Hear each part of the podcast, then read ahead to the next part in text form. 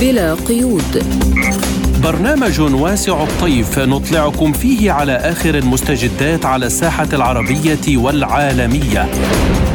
حصريا من إذاعة سبوتنيك. مرحبا بكم مستمعينا الكرام في حلقة جديدة من برنامج بلا قيود. نقدمه لكم من استديوهاتنا في موسكو أنا فرح القادري. وأنا محمد جمعة والبداية مع العناوين.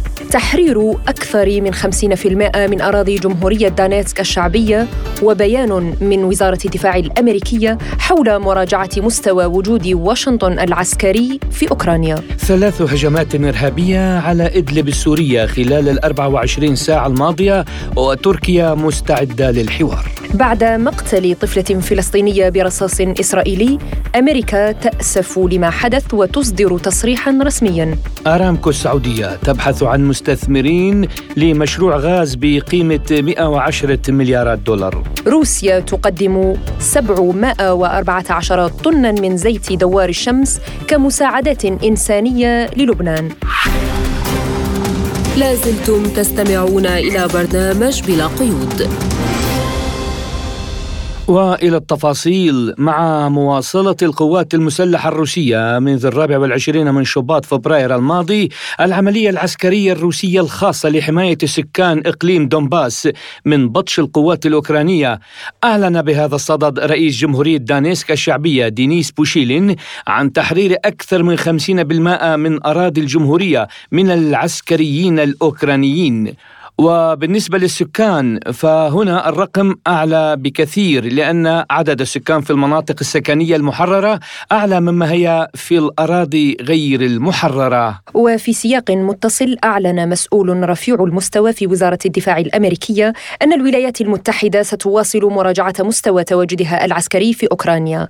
ميدانيا دمرت القوات الروسية التحصينات الأوكرانية باتجاه مارينسكي باستخدام صواريخ تورنادو جي ونجح نجحت القوات المسلحة الروسية باستخدام أنظمة إطلاق الصواريخ المتعددة تورنادو جي الجديدة المطورة من طراز جراد في تدمير المنطقة المحصنة للقوات الأوكرانية في اتجاه مارينسكي. وللحديث عن تطور المشهد العسكري في أوكرانيا نستضيف من دمشق المحلل السياسي والخبير العسكري الاستراتيجي الدكتور فراس شبول. مرحبا بك دكتور في برنامج بلا قيود. تحياتي لك إذا دكتور يعني قال القائد القائم بأعمال رئاسة جمهورية دانيتسك دينيس بوشلين قال أنه 50% من أراضي جمهورية دانيتسك تم تحريرها بالفعل. هل تعتقد أن هذا يعني أن القوات الأوكرانية تخسر؟ وكم ستستغرق روسيا من الوقت لتحرير بقية الجمهورية؟ نعم بالعودة إلى العملية العسكرية الروسية في أوكرانيا. يعني هي لضمان حيوية الأمن القومي الروسي في هذا المجال. الجيوسياسي المحيط بروسيا الاتحادية. وكما نعلم بأن أزرع الولايات المتحدة الأمريكية هي موجودة في أوكرانيا منذ سنوات طويلة وهي تسعى كانت لاقتناء قاعدة نووية تكون مواجهة للقوات الروسية في تلك المنطقة. لذلك تم اتخاذ القرار بالعملية العسكرية والسيطرة على محيط حيوي هو يحيط ب شبه جزيرة القرم وذلك للتأمين على الأمن القومي الروسي في تلك المنطقة. وما هي استعادة القوات الروسية لتلك المناطق إلا التأكيد على ضمان أمنها القومي في آه، في منطقة آه، شبه جزيرة القرم ومحيط روسيا. لذلك القوات الروسية أعتقد بأنها يعني هي ذات المكاسب الكبيرة وهي تكتفي بهذا القدر ولكن الولايات المتحدة المحرك للحكومات الأوروبية في تلك المنطقة هل ستقنع وسترتدع عن آه، تحريك العسكرة في تلك المنطقة. لا أعتقد أن ذلك سيتم في الوقت القريب آه، يعني في الأشهر القادمة. لذلك الولايات المتحدة تسعى بكل ما لديها لتوتير تلك المنطقة وخصوصا بأن تحدث مواجهة بين أوروبا الغربية وروسيا الاتحادية. وهذا ما تسعى إليه الولايات المتحدة لأنها تحقق مكاسب كبيرة لها في هذا الحراك العسكري في تلك المنطقة طيب دكتور فراس يعني وزارة الدفاع الأمريكية أعلنت أنها ستواصل مراجعة مستوى تواجدها العسكري في أوكرانيا هل هذا يعني برأيك أمريكا ستزيد أم ستقلص عدد قواتها في أوكرانيا في المستقبل؟ سيدي الكريم تاريخ الولايات المتحدة الأمريكية منذ إذا لاحظنا منذ بداية الحرب العالمية الأولى والثانية تنتظر تنتظر في خضم المعارك وتنزاح مع الطرف المنتصر في تلك الحروب. يعني في الحرب العالمية الأولى دخلت بعد ثلاث سنوات في الحرب العالمية وفي الحرب العالمية الثانية دخلت في العام 1939 في الحرب العالمية الثانية. هي تنتظر من ينتصر. الآن الولايات المتحدة ستنتظر انتصار روسيا. إذا ثبتت روسيا الاتحادية هذا الانتصار ستقول الولايات المتحدة بأنني يعني سأرضى بالأمر الواقع وستنكفئ عن معاداة روسيا. ولكن في المؤشرات القادمة لا يمكن للولايات المتحدة أن تنكفئ عند هذا الحد لأن الاستقرار وال والتراضي بين أوروبا الغربية وروسيا الاتحادية يعني هزيمة الولايات المتحدة. لذلك أمام الولايات المتحدة المزيد من الفتن والمزيد من إشعال الفتن في تلك المنطقة آه، وتصريحات الولايات المتحدة لا يعتد بها على الإطلاق لأن السياسة الأمريكية هي سياسة كاذبة بامتياز يعني تصرح شيء ضد الواقع في مجلس الأمن وفي الأمم المتحدة وفي أي مجال تصرح به الولايات المتحدة تصريحات كاذبة. لذلك عندما تقول بأنها قد تنكفئ عن مساعدة أوكرانيا أعتقد أن هذا الأمر كاذب هي ستشعل فتيل هذه الحرب في المنطقة وتتمنى ضمنيا السياسة الأمريكية أن تشعل فتيل الحرب العالمية الثالثة بين أوروبا الغربية وروسيا الاتحادية كما ذكرت لأنها المنتصر وال والمكسب الكبير للولايات المتحدة. وإذا صرحت بأنها لن تنكفئ فهي من باب اقتصادي فهي تستجر الأموال من آه، أوروبا الغربية بحجة أنها تدعم أوكرانيا بالسلاح وتأخذ مليارات الدولارات بحجه انها تقدم لها أسلحة في حربها ضد روسيا. نعم. دكتور بالنسبة لعقوبات الاتحاد الأوروبي يعني هل ستؤثر الحزمة التاسعة من هذه العقوبات على مسار العملية الخاصة الروسية؟ متى ستتوقف أوروبا وأمريكا عن تقديم الدعم العسكري والمالي لنظام كيف ولا سيما أن من يدفع الضريبة هو الاقتصاد الأوروبي بالدرجة الأولى. نعم أقول لك في هذا الاتجاه بأن أي عقوبات على أي دولة في العالم إن كانت كبيرة أو صغيرة تؤثر. ونجد الأمثلة كثيرة في هذا الاتجاه، نعم الاقتصاد الروسي يتأثر في هذه العقوبات ولكن يتأثر ويؤثر وأن التأثير الروسي في العقوبات هو أكبر، كما نلاحظ بأن الاتحاد الروسي حتى هذه اللحظة لم يقطع الغاز عن أوروبا الغربية، والكل الاقتصاديين في العالم يعلمون ما مدى تأثير هذا الموضوع إذا تم قطع خطوط الغاز والإمداد إلى أوروبا الغربية وما تفعله بأوروبا الغربية واقتصادات أوروبا الغربية وروسيا حريصة كل الحرص بأن لا تقطع علاقات الود والصداقة مع أوروبا الغربية ولكن حكومات تلك الدول هي ان يتمسك بهذا التعنت الأمريكي وتسيرها الولايات المتحدة كما تشاء. لذلك العقوبات نعم تؤثر على الاقتصاد الروسي ولكن تصريحات الرئيس بوتين أثبتت بأن الاقتصاد متين والاقتصاد هو آه، يعني كما نعلم هي تتحكم بالغاز في العالم بأسره وتتحكم في موضوع الحبوب وال والأقماح التي تصدر منها ومن أوكرانيا إلى العالم هي آه، تحقق الأمن الغذائي في منطقة أوروبا الغربية بالنسبة للحبوب والأمن النفطي بالنسبة لتغذية أوروبا الغربية بالغاز وخصوصا نحن آه، في فصل الشتاء. لذلك العقوبات تؤثر نعم في روسيا ولكن روسيا تؤثر في الاقتصاد الغربي والاقتصاد العالمي أكثر مما تتأثر من هذه العقوبات. ونجد بأن الروبل الروسي يحافظ على حيويته وقوته الشرائية والقرار الأخير لتسعير موضوع تسعير النفط يعني هو إشعال أيضا إشعال فتيل اقتصادي ضد روسيا ولكن روسيا أعتقد عندما اتخذت قرار الحرب لن تستسلم ولن تنثني عن تحقيق أهدافها وخصوصا بما يتعلق بالولايات المتحدة. ونجد أيضا بأن روسيا ليست لوحدها في هذا العالم الاقتصادي. هناك من ورائها آه، التنين الصيني الصاعد آه، ويقدم لها أعتقد كل المساعدات. أيضا هناك إيران آه، تساندها بكل الاتجاهات. يعني نحن على أبواب معالم قطب عالمي جديد يوازي قطب الولايات المتحدة سياسيا واقتصاديا وعسكريا. طيب يعني هل برأيك أزمة كوسوفو هل ممكن أن تحول انتباه الأوروبيين عن أوكرانيا وهل يمكن أن يتسبب هذا الصراع في خفض مساعدات الاتحاد الأوروبي إلى كييف؟ أقول لك بكل بساطة يعني اختصارا لهذا السؤال بأن الولايات المتحدة آه، تقوم بإشعال فتيل حرب من من منطقة إلى أخرى من منطقة أخرى كما يزرع يعني يضرب إيران في آه، في حق القمح هو صيد يعني الحصاد يعني تضرم النار في كل الاتجاهات.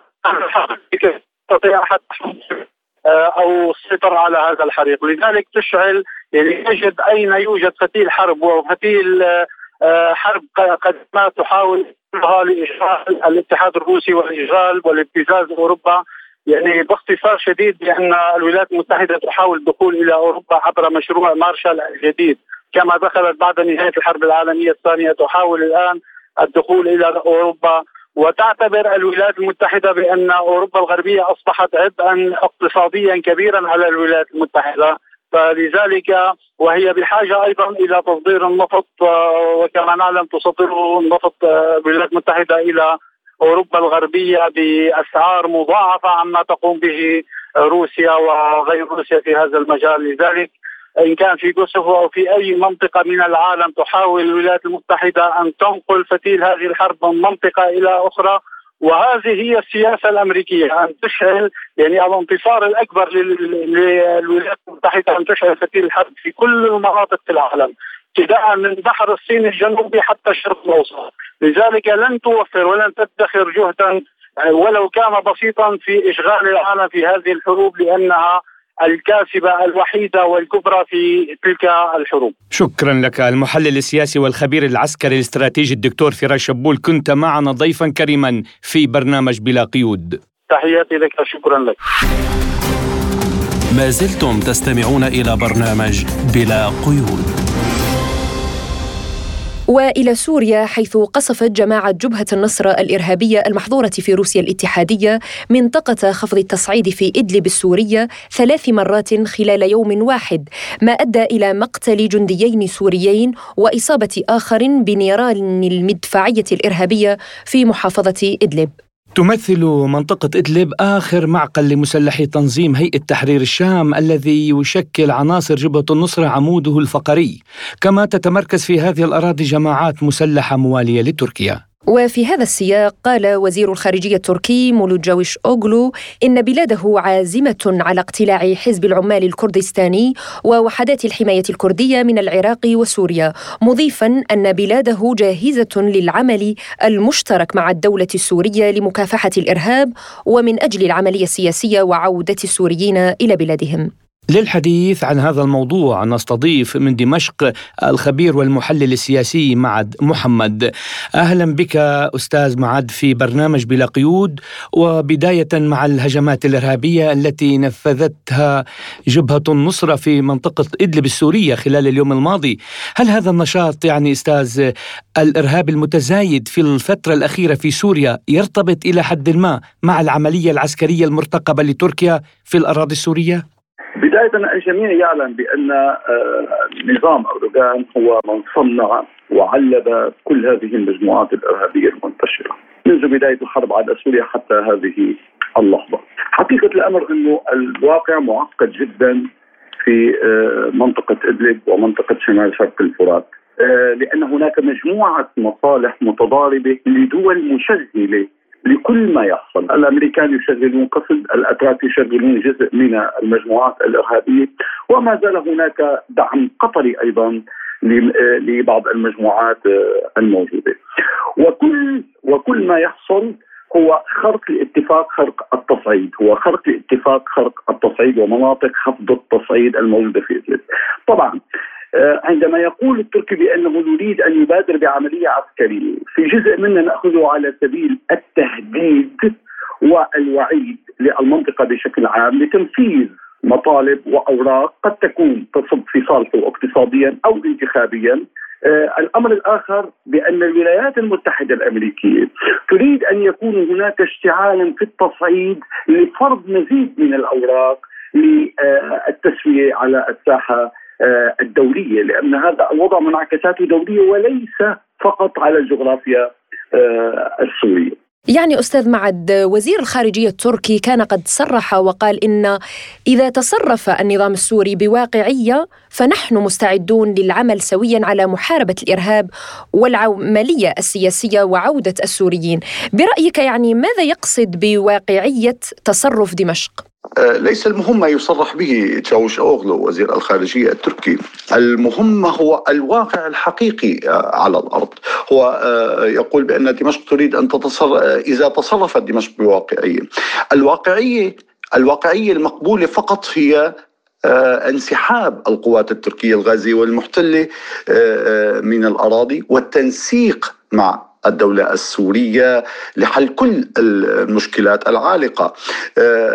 دمشق تدرك ولديها معلومات وتوثيقات بأن نظام النظام التركي قد درب الإرهاب ومول الإرهاب ودعم مجموعات إرهابية ومصنفة على لوائح الإرهاب وأن النظام التركي يقوم بسرقة النفط السوري ويقوم بتغذية الفوضى في تلك المنطقة. المنطقة وهذه المنطقة هي منطقة آه، آه، متواجد فيها آه، كثير من المصالح الدولية لقطر جماعاتها لتركيا جماعتها لأمريكا جماعتها وبالتالي لا يمكن لسوريا أن تعتبر أن الواقعية في التصرف هي بناء على الرغبات التي تبديها تركيا وتعمل لأجلها بقوة الضغط الدولي والتهديد بالعمل العملية آه، البرية.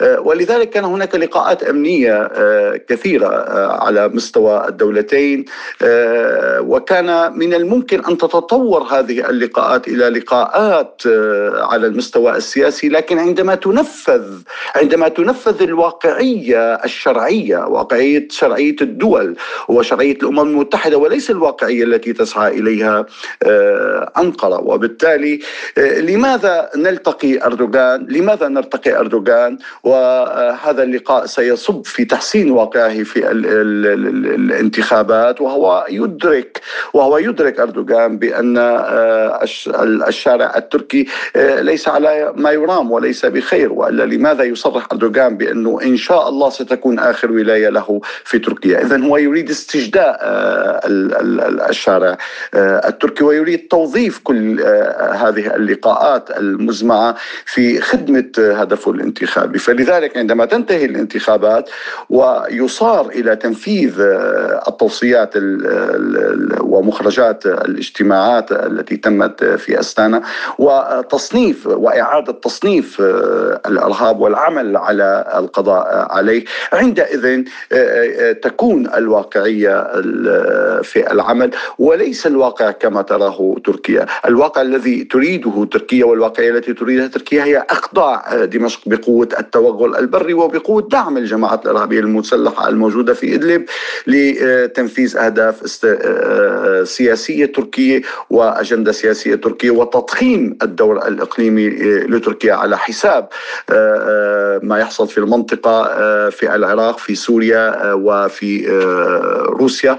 وتثقيل وزن لجهة أن تكون لاعبة في العملية العسكرية الحاصلة آه، في آه، أوكرانيا. أما بالنسبة لعودة السوريين طيب ما النظام التركي هو من أنشأ الخيام قبل قبل آه، أن تبدأ أعمال العنف والإرهاب التي قاموا بها آه، في سوريا في كلس وفي مناطق معينة وعين وال على آه، تلك المناطق. إذا المانع لعودة السوريين هم الأتراك أنفسهم. يعني كيف سيعود السوري وأنت تهدد بأني سأتوغل في بعملية عسكرية برية في منطقة أنت ستعود إليها. وعند الحديث عن كريدورات عمقية بعمق 30 كيلو آه، متر. هذا يحاكي ما كانت آه، تركيا. تريده منذ البداية آه، والحديث عن ممرات آمنة وممرات إنسانية وإلى ما هنالك من الكلام الذي كان يقال. لكن هناك اجتماعات في أستنا وهناك مخرجات لهذه الاجتماع في أستنا. التركي هو من خلق مناطق خفض التصعيد مرارا. ولذلك ليس من الواقعية أن تطلب من دولة دولة أنت تحت الجزء من أرضها الواقعية وأنت تعتدي على كل آه، الشرعية آه، والسيادة لهذه الدولة. يعني أستاذ معاد وزير الخارجية التركي أيضا أكد أن بلاده لن تسمح أبدا باستمرار تواجد تنظيم بيكيكي آه، الإرهابي في سوريا والعراق وأن أنقرة ستفعل ما يلزم الاقتلاع لهذا التنظيم من هاتين الدولتين سوريا والعراق هل يمكن أستاذ أن توافق دمشق على توغل تركيا برا في شمالها؟ لا يمكن بحال من الأحوال أن تسمح دمشق بأن تتوغل القوات التركية آه، في آه، شمالها، لكن القضية ليست بالسماح وعدم السماح، القضية بالإمكانات الموجودة والتعاون الدولي لمنع هذا آه، التوغل. ثانيا، لا يمكن لتركيا إذا كان إذا كان الهدف هو اقتلاع هذه التنظيمات، لا يمكن لتركيا أن تستطيع اقتلاعها منفردة، اقتلاع هذه التنظيمات يحتاج إلى تنسيق بين دول الجوار المتضررة من آه، الهدف الانسلاخ الذي تسعى إليه هذه الدول وإقامة آه، كيان آه، مستقل. يحاكي الكيان الإسرائيلي الغاصب. بالتالي تركيا تريد توظيف هذا العمل لخدمة مصالح تركية تركية بحتة. وهذا أمر لن يصار إليه ولن تستطيع تركيا الحصول على هدفها. ناهيك عن أن تركيا تريد خلط الأوراق والضغط ضمن هذا الملف على آه، دول آه، الجوار آه، لتصب في مصالحها الاقتصادية ومصالحها الانتخابية مصالح حزب العدالة والتنمية والرئيس رجب طيب أردوغان بشكل شخصي. طيب يعني هل اقتراح أنقرة على دمشق للعمل معا في محاربة الإرهاب يعتبر رسالة لدمشق بأن تركيا مستعدة للتعاون في القضاء على ما تعتبره يعني الدولة السورية منظمات إرهابية أم يقتصر العمل على حزب العمال الكردستاني ووحدات الحماية الكردية برأيك؟ يعني إذا كانت تركيا الآن تقترح على دمشق محاربة الإرهاب اذا على دمشق وعلى العراق وعلى إيران وعلى كل هذه الدول محاربة تركيا لأن تركيا نفسها هي من صنعت الإرهاب. تركيا نفسها هي من صنعت الإرهاب. وبالتالي هذا الأمر غير واقعي ومنفصل عن الواقع. إذا أرادت تركيا القضاء على الإرهاب فيجب إغلاق حدودها. ويجب التقيد بالشرعية الدولية ويجب منع مد المسلحين والإرهابيين الموجودين في إدلب بمدهم لوجستيا ومدهم بالسلاح وعليها التنسيق الكامل مع دول الجوار والانسحاب من الأراضي التي احتلتها. ومن ثم تطور الاجتماعات الأمنية إلى اجتماعات على المستوى السياسي.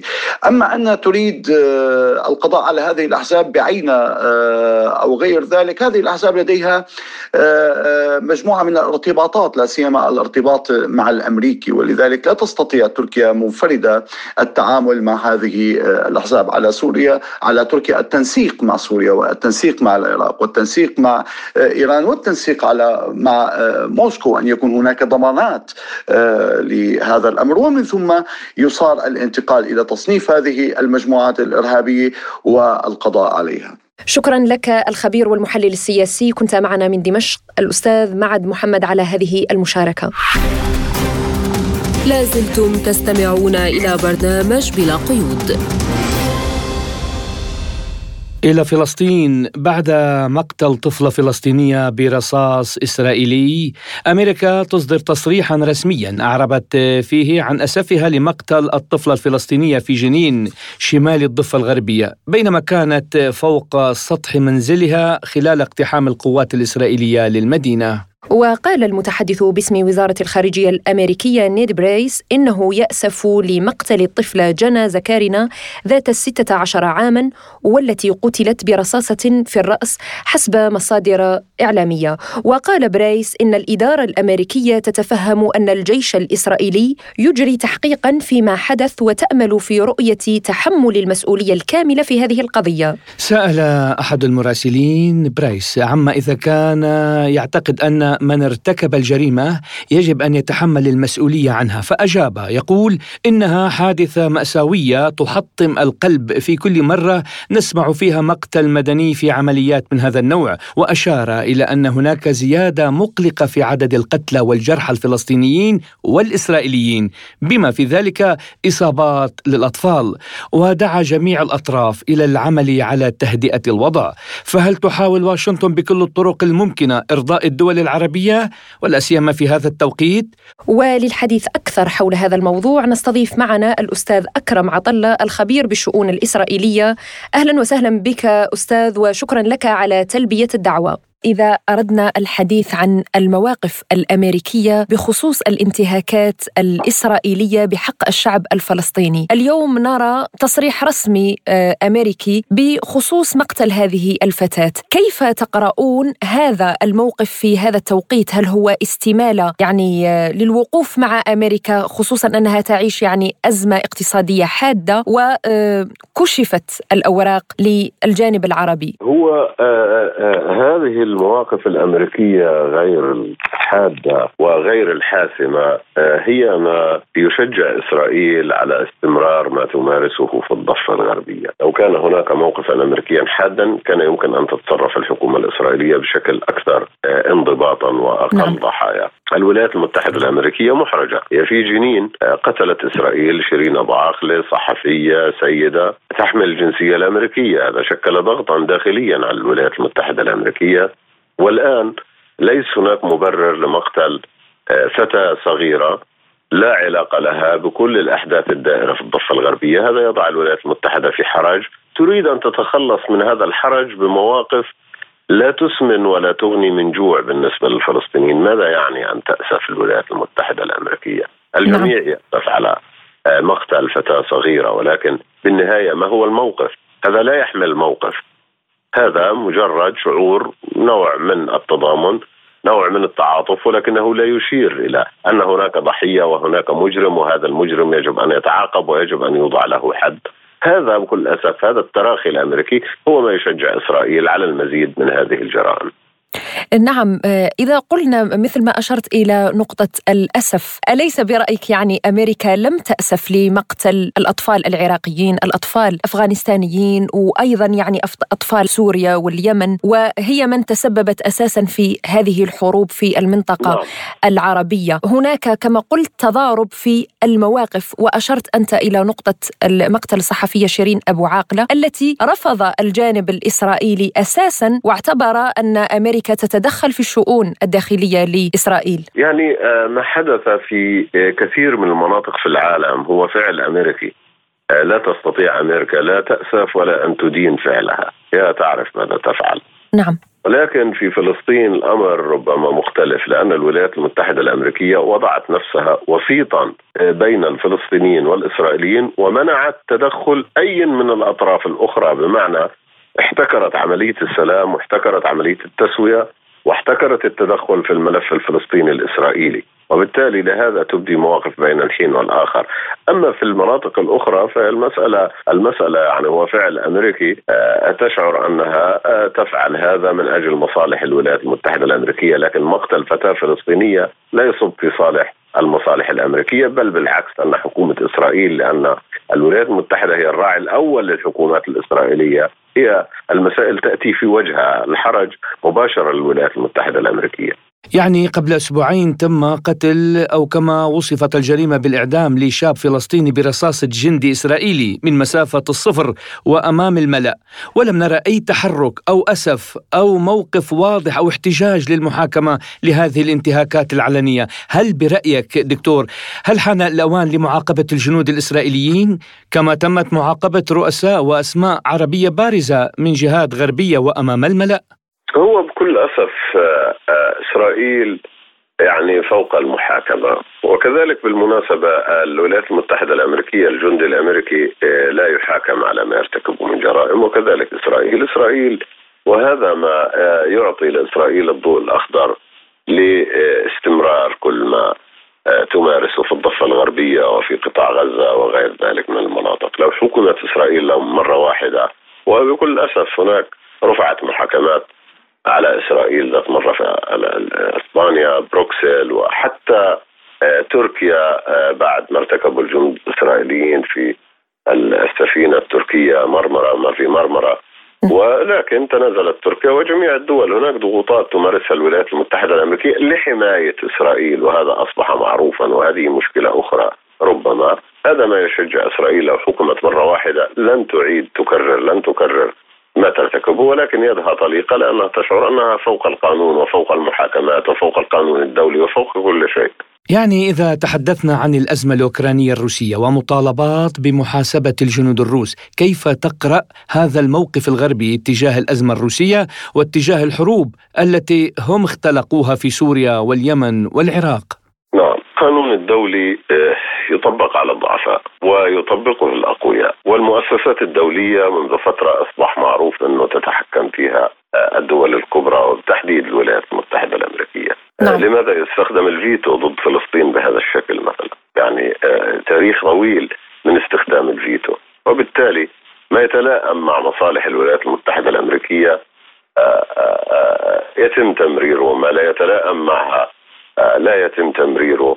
وهذا ينطبق على الوسطات. وسطات من هو مجرم ومن هو بحاجة إلى المحاكمة ومن يجب أن يعفى من المحاكمة وغيره. هذا الأمر الذي يستدعي منذ فترة آه، آه، آه، نقول إنه المؤسسات الدولية، النظام الدولي الذي بني بعد الحرب العالمية الثانية وجاء نتاج الحرب العالمية الثانية يبدو أنه تآكل. لم يعد قادر على حماية الضعفاء في العالم ولم يعد قادر على إنصاف هناك معايير مزدوجة في كل شيء. نعم. في كل شيء هناك معايير مزدوجه بمعنى وربما أن الفلسطينيين هم أول من التقطوا ذلك بالحرب الأوكرانية. إنه آه، رفض التواجد العسكري الروسي وتسميته احتلال في آه، أوكرانيا. آه، لكن ليس هناك أحد يتحدث عن القضية الفلسطينية احتلال إسرائيلي. يعني معايير مزدوجة. اللاجئون الأوكران واللاجئون الفلسطينيون وكثير من القضايا مع المعايير المزدوجة رغم تضامن الفلسطينيين أيضا مع اللاجئين الأوكران يعني الفلسطينيين لا يقولون كلمتين ولكن بكل أسف هم يرون المجتمع الدولي كيف ينكشف أمام قضيتهم وكيف يحكم بمعايير هنا ومعايير مختلفة على النقيض تماما من هذه المعايير عندما يتعلق الأمر بالمصالح الأمريكية. آه نعم بحديثك عن المصالح الأمريكية. إلى أي مدى ترى آه وجود بنيامين نتنياهو مجددا في الحكومة الإسرائيلية خادما لمصلحة إسرائيل وأمريكا على حساب الفلسطينيين؟ هو آه وجود بنيامين نتنياهو بهذه الحكومة الجديدة ليس خادما لا لمصالح إسرائيل ولا الولايات المتحدة الأمريكية.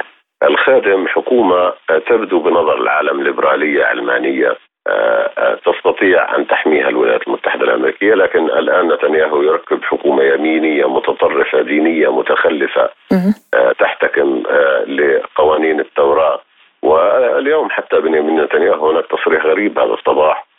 يطمئن الإسرائيليين يقول فيه أنه لن تكون إسرائيل دولة الهلخاء وستستمر الشواطئ الإسرائيلية كما هي يعني نعم. اللبس غير المحتشم نعم. وصلت إسرائيل إلى مرحلة أن تطمئن شعبها أنه يمكن أن تستمر بالملابس البحر على الشواطئ بمعنى ولن تكون دولة دينية هذا أمر آه، آه، ليس في صالح إسرائيل عندما يجرها إلى هذا التخلف هذه القوى الدينية التي تسيطر على الحكم في إسرائيل تبدو كدولة دينية آه، أشبه بداعشيون هم الذين آه، آه، فازوا بالانتخابات مثل بن جفير وسموتريتش.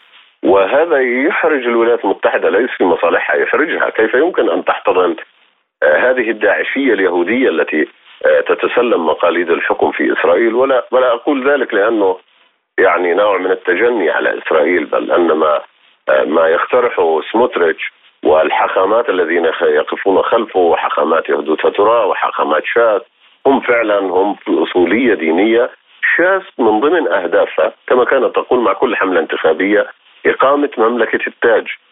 مملكة أحدى من ممالك إسرائيل القديمة التي تحلم بها والتي وأساطير وخرافات وغيره بمعنى أنه ال ال ال ال إسرائيل تذهب باتجاه الدين ليست دولة علمانية. هذا ليس في صالح الإسرائيليين وليس في صالح الأمريكان، لا أحد يستطيع تغطية إسرائيل، حتى أوروبا أوقفت آه، آه، اتفاقية اليوروبول التي كانت بصدد توقيعها مع إسرائيل بتبادل المعلومات حول المواطنين في الضفة الغربية. تخشى الجميع يخشى من هذه الدولة.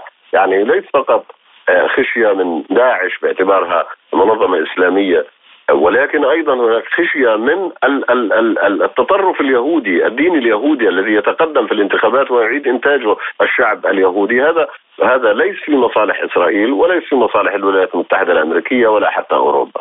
نعم شكرا لك الأستاذ أكرم عطلة الخبير بالشؤون الإسرائيلية. شكرا لكم على هذه المداخلة. ما زلتم تستمعون إلى برنامج بلا قيود.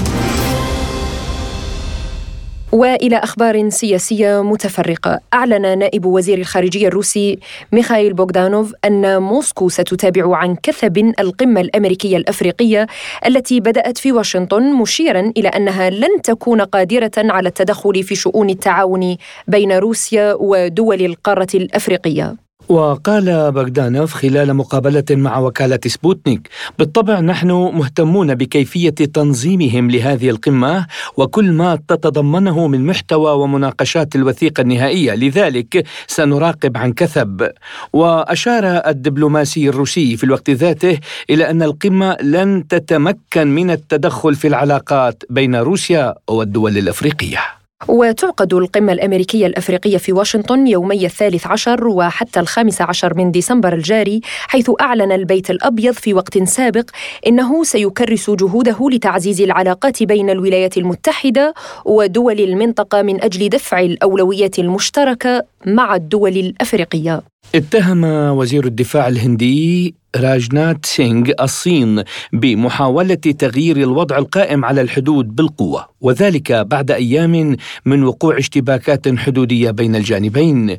أشار الوزير الهندي إلى أن المواجهة بين الجانبين أسفرت عن إجبار القوات الصينية على العودة إلى مواقعها مع إصابة عدد من الأفراد من كلا الجانبين ولفت إلى أن الحادث تم تناوله مع الجانب الصيني من خلال القنوات الدبلوماسية. السياسية قررت دول الاتحاد الأوروبي تجميد أموال مخصصة لهنغاريا ولكن بمستوى أقل مما كان مقترحا سابقا وذلك بسبب موقف بودابست من الأزمة الأوكرانية ومن المتوقع أن يتم إضفاء الطابع الرسمي على القرار وإصداره في وثيقة مكتوبة يوم الأربعاء. وفي وقت سابق اقترح الاتحاد الأوروبي تجميد تمويل مخصص لهنغاريا قدره سبعة مليارات ونصف مليار يورو ووافقت الدول الدول الأوروبية على تقليص حجم الأموال المجمدة إلى 6 مليارات و300 مليون يورو مقابل امتناع بودابست عن حق النقض بشأن عدد من القضايا لا سيما بشأن حزمة مساعدات كييف. أكد المبعوث الأمريكي الخاص بكوريا الشمالية أن بيونغ يانغ باتت تشكل أبرز التحديات الأمنية في العالم. وأضاف المبعوث الأمريكي في اجتماع بجاكرتا مع نظيره الكوري الجنوبي والياباني بأن بلاده ستكون أكثر حذرا مع تهديدات السيبرانية لكوريا الشمالية في المستقبل. وشدد بهذا الصدد يقول أي استفزاز إضافي من كوريا الشمالية سيقابل برد حازم وموحد من المجتمع الدولي. بدوره أكد مبعوث كوريا الجنوبية الخاص لكوريا الشمالية بأن بلاده واليابان والولايات المتحدة ستنسق العقوبات وتسد الثغرات في نظام العقوبات الدولي على كوريا الشمالية. وإلى الاقتصاد. تجري الشركة السعودية المنتجة للنفط أرامكو محادثات في مرحلة مبكرة مع مستثمرين محتملين في الأسهم من شأنهم أن يساعدوا في تمويل تطوير حقل غاز غير تقليدي ضخم بقيمة 110 مليارات دولار في المملكة. وتخطط الشركة السعودية المنتجة للنفط لاستغلال أحد أكبر حقول الغاز غير التقليدية في العالم. مصادر مطلعة كشفت على أن أرامكو تواصلت مع شركات الأسهم الخاصة والصناديق الكبيرة الأخرى التي تستثمر في البنية التحتية كجزء من الخطط والتي يمكن أن تعرض حصصا في أصول مثل مشاريع احتجاز الكربون وتخزينه وخطوط الأنابيب ومحطات الهيدروجين. نفذت إيران حكم الإعدام بحق متظاهر ثان مرتبط بحركة الاحتجاج المتواصلة منذ أشهر بعد إدانته بمهاجمة قوات الأمن بسكين. وأفادت وكالة تسنيم الإيرانية بأن المتظاهر الذي أعدم أدين بقتل اثنين من أفراد قوة الباسيج شبه العسكرية وإصابة أربعة آخرين في السابع عشر من نوفمبر تشرين الثاني الماضي. وأشارت إلى أنه تم شنقه علنا في مدينة مشهد شمال شرق البلاد وكانت السلطات الإيرانية قد أعلنت في وقت سابق من الأسبوع الماضي تنفيذ أول حكم بالإعدام على خلفية الاحتجاجات التي شهدتها البلاد على مدار الأشهر الأخيرة بسبب وفاة الشابة مهسا أميني. أعلنت رئيسة البرلمان الأوروبي روبرتا ميتسولا إقالة نائبتها إيفا كايني من منصبها كنائبة لرئيس البرلمان الأوروبي وذلك على خلفية التحقيقات الجارية بشأن تورطها في قضايا فساد. قالت ميتسولا في تغريدة عبر حسابها في ضوء التحقيقات الجارية لم تعد إيفا كايلي واحدة من نواب الرئيس بقرار من البرلمان الأوروبي. وتداول مغردون بشكل واسع مقاطع فيديو وصور على وسائل التواصل الاجتماعي تظهر فيها النائبة المقالة كايلي. التي وصفها البعض بحسناء البرلمان الأوروبي حيث استغرب الكثيرون من التناقضات العميقة الموجودة في هذه المؤسسة البرلمانية الأوروبية. ذكرت تقارير إعلامية أوروبية بهذا الصدد عن توصل جميع المجموعات في برلمان الاتحاد الأوروبي إلى اتفاق مشترك على عزل نائبة الرئيس إيفا كايلي بسبب فضيحة رشوة لاحقتها مؤخرا. ما زلتم تستمعون إلى برنامج بلا قيود. وللحديث أكثر حول هذا الموضوع نستضيف معنا من المملكة العربية السعودية الخبير الاقتصادي الدكتور سليمان عبد المحسن العساف. أهلا وسهلا بك دكتور ونبدأ من آه، ما يعيشه العالم اليوم وفي ظل الأزمة الروسية الأوكرانية وخاصة ما تعيشه الدول الأوروبية والغربية من ركود اقتصادي وازمه الطاقة تحديدا، هل برأيك هذه فرصة ذهبية لدول الخليج وخاصة المملكة العربية السعودية في تطوير استثماراتها في مجال النفط والغاز؟ أهلا وسهلا بكم. أعتقد أن السعودية ودول الخليج ستزيد استثماراتها سواء في أنواع الطاقة، تكلمنا عن النفط أو عن الغاز لعدة أسباب. العالم يواجه ركود، التكلفة على تطوير الحقول وما يسمى ال upstream وال downstream ستكون منخفضة أكثر من السابق بسبب قلة الإقبال العالمي على التطوير بسبب وجود المشاكل الاقتصادية وحالة عدم اليقين والركود وإلى آخره. لذلك ستستغل دول الخليج هذه الفرصة من أجل تطوير حقولها بشكل كبير والبحث عن اكتشافات جديدة. دكتور سليمان يعني هل برأيك ستستغل المملكة السعودية قدراتها النفطية واستثماراتها وتوسع إنتاجها للغاز؟ المملكة العربية السعودية مهتمة بإنتاج الغاز بشكل كبير لوجود كثير من الحقول الغير مكتشفة كما أن الغاز يدخل في صناعة البتروكيماويات وهو أمر مهم وحيوي للمملكة العربية السعودية بدلا من أن تصدر النفط الخام ستقوم بتطوير مثل هذه الحقول واستغلالها لإنتاج منتجات أخرى وليست منتجات أساسية ستكون هناك أولية وقد تكون تحويلية. لذلك هذا أمر مهم جدا وحيوي للمملكة العربية السعودية من أجل أن تكون لاعبا اساسيا كما هي في النفط ستكون لاعبا اساسيا في الغاز. يعني هل برأيك تعتزم المملكة زيادة الصادرات من الطاقة بعيدا عن النفط؟ وهل سنشهد يعني اتفاقات مع دول تضررت من أزمة الطاقة حاليا. رأينا أن المملكة العربية السعودية تتجه الآن بشكل كبير إلى أنواع الطاقة. تكلمنا عن الغاز أو الطاقة المتجددة الطاقة النظيفة كما رأينا أنها وقعت أمس. الاستحواذ على حوالي 10% من واحدة من أكبر الشركات في العالم في الطاقة المتجددة طاقة الرياح سواء البحرية أو البرية. لذلك أعتقد أن السعودية ستكون لاعبا أساسيا من ناحية طاقة الرياح الطاقة الشمسية الطاقة النظيفة كما أنها تستهدف إلى إنتاج الطاقة من الطاقة النووية. لذلك هناك تنويع لمصادر الدخل تنويع لأنواع الطاقة. لا ننسى أن العالم يتجه الآن إلى تقليل الاحتباس الحراري والانبعاثات الكربونية السعودية والسعودية تعهدت أنه في 2050 ستصل إن شاء الله إلى صفر انبعاثات. من أجل ذلك وأشياء أخرى تسعى المملكة أن تكون رائدة وسباقة في هذا الأمر. برأيكم أيضا ما هي أكثر الدول التي ستشارك في تنفيذ هذا المشروع؟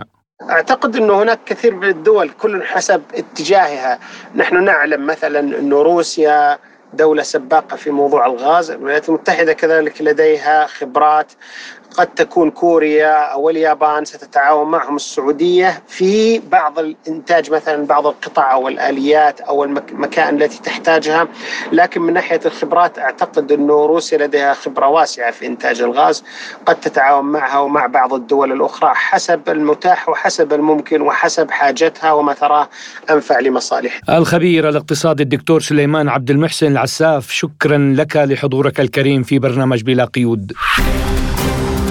لازلتم تستمعون إلى برنامج بلا قيود. وإلى أخبار اقتصادية متفرقة روساتوم الروسية تخطو خطوة جديدة نحو المشاركة في بناء أول محطة للطاقة النووية في السعودية. أعلن نائب رئيس الوزراء الروسي ألكسندر نوفاك أن شركة روساتوم الروسية قدمت الوثائق اللازمة للمشاركة في مناقصة بناء أول محطة للطاقة النووية في المملكة العربية السعودية. وكان نوفاك قد كشف في أكتوبر الماضي عن مشاركة روساتوم في مناقصة بناء أول محطة نووية النووية في السعودية حيث تمت دراسة إمكانية بناء محطة طاقة نووية ذات طاقة صغيرة أو متوسطة. سبق أن وقعت موسكو والرياض في عام 2017 اتفاقية حول الطاقة والمناخ ومذكرة تفاهم وتعاون في قطاع الطاقة. كذلك وضع البلدان خريطة طريق لتعزيز التعاون بينهما. وذلك عبر الاستثمار في مجالات عديدة أبرزها مشروع مدينة نيوم بالإضافة إلى مجالات الذكاء الاصطناعي والسكك الحديدية والصناعة. وإلى مصر حيث وقعت مصر واليونان اتفاقية بين المصرية للاتصالات و Grid Telecom اليونانية لإنشاء كابل بحري يربط بين مصر واليونان عبر البحر الأبيض المتوسط وأكد وزير الاتصالات المصري عمرو طلعت على أهمية هذه الاتفاقية التي تستهدف إنشاء كابل بحري جديد يربط بين البلدين عبر البحر المتوسط وهو الأمر الذي حسب رأيه سيعزز من قدرة بلاده الاستراتيجية في هذا المجال وأشار إلى أن توقيع الاتفاقية يعد نتاجا للعمل الجاد على مدار عشرة أشهر منذ بدء المفاوضات التي جرت أثناء زيارته لليونان في فبراير من العام الماضي. وإلى تركيا حيث أكد وزير الطاقة والموارد الطبيعية التركي فاتح دونماز بأن خط أنابيب ضخ الغاز الطبيعي من روسيا إلى تركيا. السيل التركي يعمل بطاقته الكاملة بنسبة 100% طبعا يعد السيل التركي الآن المسار الوحيد لإمدادات الغاز الروسي دون انقطاع إلى السوق الأوروبية. والمسار يمتد من روسيا إلى تركيا عبر البحر الأسود بينما تبلغ طاقته التصميمية 31.5 مليار متر مكعب من الغاز سنويا. بواسطة خط الأنابيب هذا يجري توريد الغاز من روسيا إلى تركيا ومنها إلى دول جنوب وجنوب شرق أوروبا. أظهرت البيانات الحكومية البريطانية ارتفاعا في معدل البطالة في البلاد وتراجع عدد الوظائف الشاغرة في علامة على ضعف سوق العمل.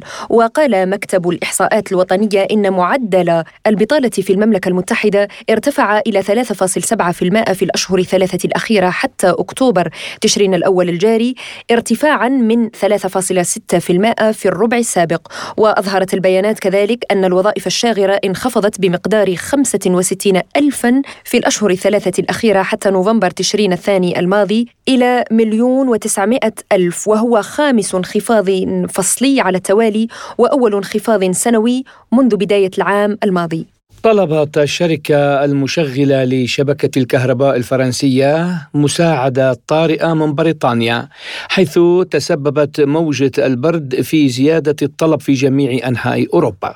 سألت شركة RTE الفرنسية الشبكة الوطنية البريطانية عما إذا كان بإمكانها خفض صادراتها المجدولة بمقدار النصف عبر أحد مواصلاتها البيئية إلى المملكة المتحدة ودفع مزيج من العوامل تشمل الطقس البارد والاضطرابات بين عمال محطات الطاقة النووية وتأخر صيانة أسطول فرنسا من المفاعلات على هذا الطلب. من جانبه قال مدير شركة تحليلات الطاقة البريطانية بأنه كان السوق الفرنسي على وجه الخصوص تحت ضغط اليوم وأضاف بهذا الصدد يقول كان سيواجه مشكلات على الدوام بسبب انخفاض أسطول المفاعلات النووية ودرجة الحرارة منخفضة. كان هناك ارتفاع كبير في الطلب مصحوبا بانخفاض الرياح. يأتي ذلك في الوقت الذي وضع فيه مشغل شبكة الكهرباء الوطنية البريطانية في شمال يوركشاير في حالة استعداد ترقبا لزيادة محتملة الطلب على الطاقة بسبب موجة برد مفاجئة. نظمت الدول العربية المصدرة للنفط أوبك اجتماعا لبحث أسواق الطاقة بحضور وزراء النفط والطاقة في كل من السعودية والكويت وقطر وليبيا والعراق ومصر وسوريا وحضور معاوني الوزراء لكل من الإمارات والجزائر والبحرين. وقال الأمين العام للمنظمة علي بن سبت إن الاجتماع ناقش عددا من القضايا منها مشروع الميزانية التقديرية للمنظمة لعام 2023 2023 واستعرض المجتمعون التقدم الحاصل في تفعيل العلاقة بين الأمانة العامة للمنظمة والشركات المنبثقة عنها ودور المنظمة في التدريب ومجال تنسيق الدول الأعضاء وباقي الدول بشأن مفاوضات التغيير المناخي والالتزامات المترتبة عليه. وفي ختام الاجتماع تم انتخاب وزير النفط العراقي حيان عبد الغني رئيسا لمجلس وزراء المنظمة بدورته الجديدة للعام 2023 بعدما اجتمع الوزراء بولي العهد الكويتي مشعل الأحمد الجابر الصباح لازلتم تستمعون إلى برنامج بلا قيود. وإلى لبنان حيث علاقات تاريخية صديقة تجمع بين روسيا ولبنان، لبنان الذي يعيش اليوم أزمات متعددة جعلته يقاوم من أجل البقاء، دول كثيرة تقف إلى جانب لبنان في محنته هذه وتحاول تقديم المساعدة، بينما روسيا كعادتها لها مواقف إنسانية كثيرة داعمة للبنان وللعائلات اللبنانية. حيث نظم برنامج الغذاء العالمي حفل تسليم المساعدات الإنسانية الروسية من زيت دوار الشمس التي بلغت 714 طنا خلال العام الحالي في مدرسة الأوروغواي الرسمية بحضور وزير التربية والتعليم في حكومة تصريف الأعمال عباس الحلبي الذي اعتبر برنامج الغذاء العالمي قد حقق خطوة أساسية في استقرار التعليم الحضوري. وأيضا سفير روسيا الاتحادية ألكسندر روداكوف ومدير برنامج الأغذية العالمي في لبنان الدكتور عبد الله الوردات. التفاصيل مع مراسلنا في لبنان عبد القادر الباي. في العام 2016 أطلق برنامج الأغذية العالمي وبالتعاون مع وزارة التربية اللبنانية برنامج المطبخ المدرسي. وهو الذي يدعم المدارس الرسمية الابتدائية من خلال توفير وجبات خفيفة مغذية وصحية لكافة المتعلمين على الأراضي اللبنانية ومن جميع الجنسيات والذي يهدف أيضا إلى تشجيع إبقاء الطلاب في المدارس. هذا البرنامج تمكن من الوصول إلى ما مجموعه 71 ألف طالب وتأمين أكثر من 90 يوم تغذية في 115 مدرسة ابتدائية حكومية وتم توزيع أكثر من مليون وجبة خفيفة على الطلاب حتى شهر كانون الأول من العام الحالي. يوم أمس تم تدشين إحدى هذه المطابخ في مدرسة حكومية في بيروت وتم أيضا تسليم مساعدات إنسانية من زيت دوار الشمس إلى أهالي الطلاب وذلك بحضور وزير التربية في حكومة تصريف الأعمال عباس الحلبي وسفير روسيا الاتحادية في لبنان ألكسندر روداكوف ومدير برنامج الأغذية العالمي في لبنان عبد الله الوردات. المساعدات الروسية المقدمة إلى لبنان بلغت 714 طن من الزيت وهي تقدم على شكل حصة شهرية لأهالي الطلاب وهي أيضا مساهمة إضافية مقطوعة ومخصصة للبنان مقدمة من روسيا الاتحادية لصندوق برنامج الأغذية العالمي التابع للأمم المتحدة. ومن أبرز المواقف التي وصفت أهمية هذه الهبة في ظل الأوضاع الاقتصادية الصعبة التي يمر بها اللبنانيون هو ما قاله المدير الإقليمي لبرنامج الغذاء العالمي عبد الله الوردات في كلمته بأن توزيع الزيت المخصص للطبخ والذي يعتبر مادة نادرة راهنا وباتت غالية الثمن بسبب التضخم وتردي الأوضاع الاقتصادية بات يسد حاجة أساسية للعائلات. الجدير بالذكر أن روسيا أيضا كانت قد أعلنت عن هبة للبنان أواخر تشرين الأول من العام الجاري وهي عبارة عن 25 ألف طن من القمح وعشرة ألاف طن من الفيول. استمعنا إلى ما قاله مراسلنا في لبنان عبد القادر الباي. نستمع إلى كلمة وزير التربية والتعليم في حكومة التصريف الأعمال اللبناني عباس الحلبي. ويسعدني اليوم أن نتشارك الجولة مع سعادة سفير روسيا الاتحادية في لبنان السيد ألكسندر روداكوف.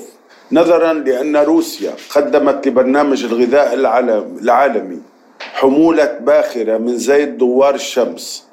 مما أسهم في تعزيز السلة الغذائية للفئة المستهدفة في المدارس من تلامذة لبنانيين ونازحين إضافة إلى أهاليهم عبر الحصص التي يتم توزيعها عليهم. إن هذا العمل الإنساني الاقتصادي والتربوي يتم بصورة راقية وأخلاقيات عالية تكرس الأهداف السامية التي وجد البرنامج من أجلها. وبالتالي فإن الدكتور عبد الله الوردات يمثل هذه الحالة الأخلاقية التي توحي بالثقل الداخلي والخارج معززة بالتوزيع العادل والشفاف للمنتجات الغذائية في لبنان على عينة موسعة تضم مجموعه 71 ألف متعلم. وقد نجح في المؤتمر الأخير في تخصيص تمويل من الجهات الداعمة للبرنامج للسنوات المقبلة. وكان قد بلغنا الأستاذ وردات أن هذا البرنامج سيصبح تدريجيا 150 ألف وربما 200 ألف حصة غذائية.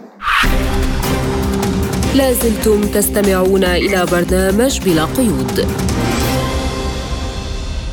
ونختم حلقة اليوم بمواعيد عرض مباريات كأس العالم في قطر لا سيما مباراة المنتخب المغربي الذي ستكتب في فصل جديد من تاريخ كأس العالم وبتأهله للنهائي للمرة الأولى في تاريخ مشاركته عندما سيواجه فرنسا الأربعاء غدا في نصف نهائي مونديال قطر. وتقام مباراة المغرب وفرنسا غدا على ملعب البيت في الخور بقطر في تمام الساعة السابعة مساء بتوقيت غرينتش. وأصبح المنتخب المغربي أول منتخب عربي وأفريقي في التاريخ يصعد لنصف نهائي كأس العالم العالم بفوزه على نظيره البرتغالي بهدف دون رد في الدور ربع النهائي.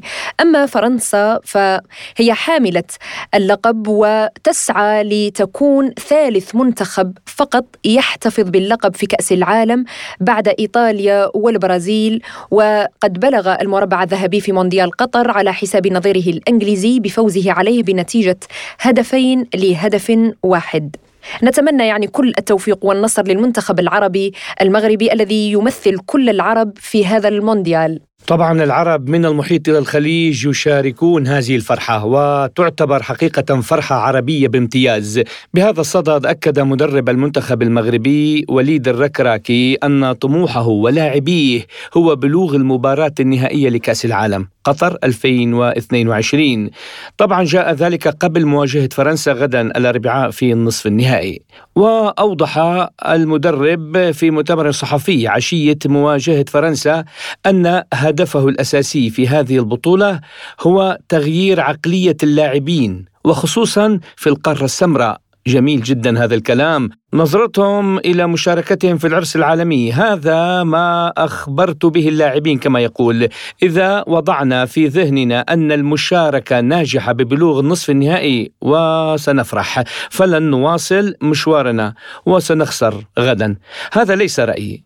نحن بين أفضل أربعة منتخبات في العالم وهذا ليس من قبيل الصدفة ستكون لدينا الكلمة غدا من أجل بلوغ المباراة النهائية. طبعا أنقل لكم ما قاله بالتفصيل. وأيضا سيستضيف ملعب لوسيل المباراة المرتقبة بين منتخبي الأرجنتين وكرواتيا ضمن الدور قبل النهائي لبطولة كأس العالم لكرة القدم 2022 المنتخب المغربي آه، شارك هذه المرة في مباريات كأس العالم ليس من أجل المشاركة ولكن من أجل الظفر بكأس العالم وكلنا نتمنى أن يكون عرس عالمي عربي على رأسه المنتخب المغربي. للتوضيح فقط يا فرح يعني, يعني سيكون الفائز في هذه المباراة على موعد في النهائي مع الفائز من المواجهة التي ستجمع مساء غدا الأربعاء منتخبي فرنسا والمغرب على استاد البيت بمدينة الخور بقطر. نتمنى كل التوفيق والنصر للمنتخب العربي الذي يمثل كل العرب في هذا المونديال. كنا معكم من استديوهاتنا في موسكو أنا فرح القادري. وأنا محمد جمعة. للمزيد زوروا موقعنا الإلكتروني. سبوتنيك dot AE وقناتنا عبر التليجرام سبوتنيك عربي. إلى اللقاء. إلى اللقاء.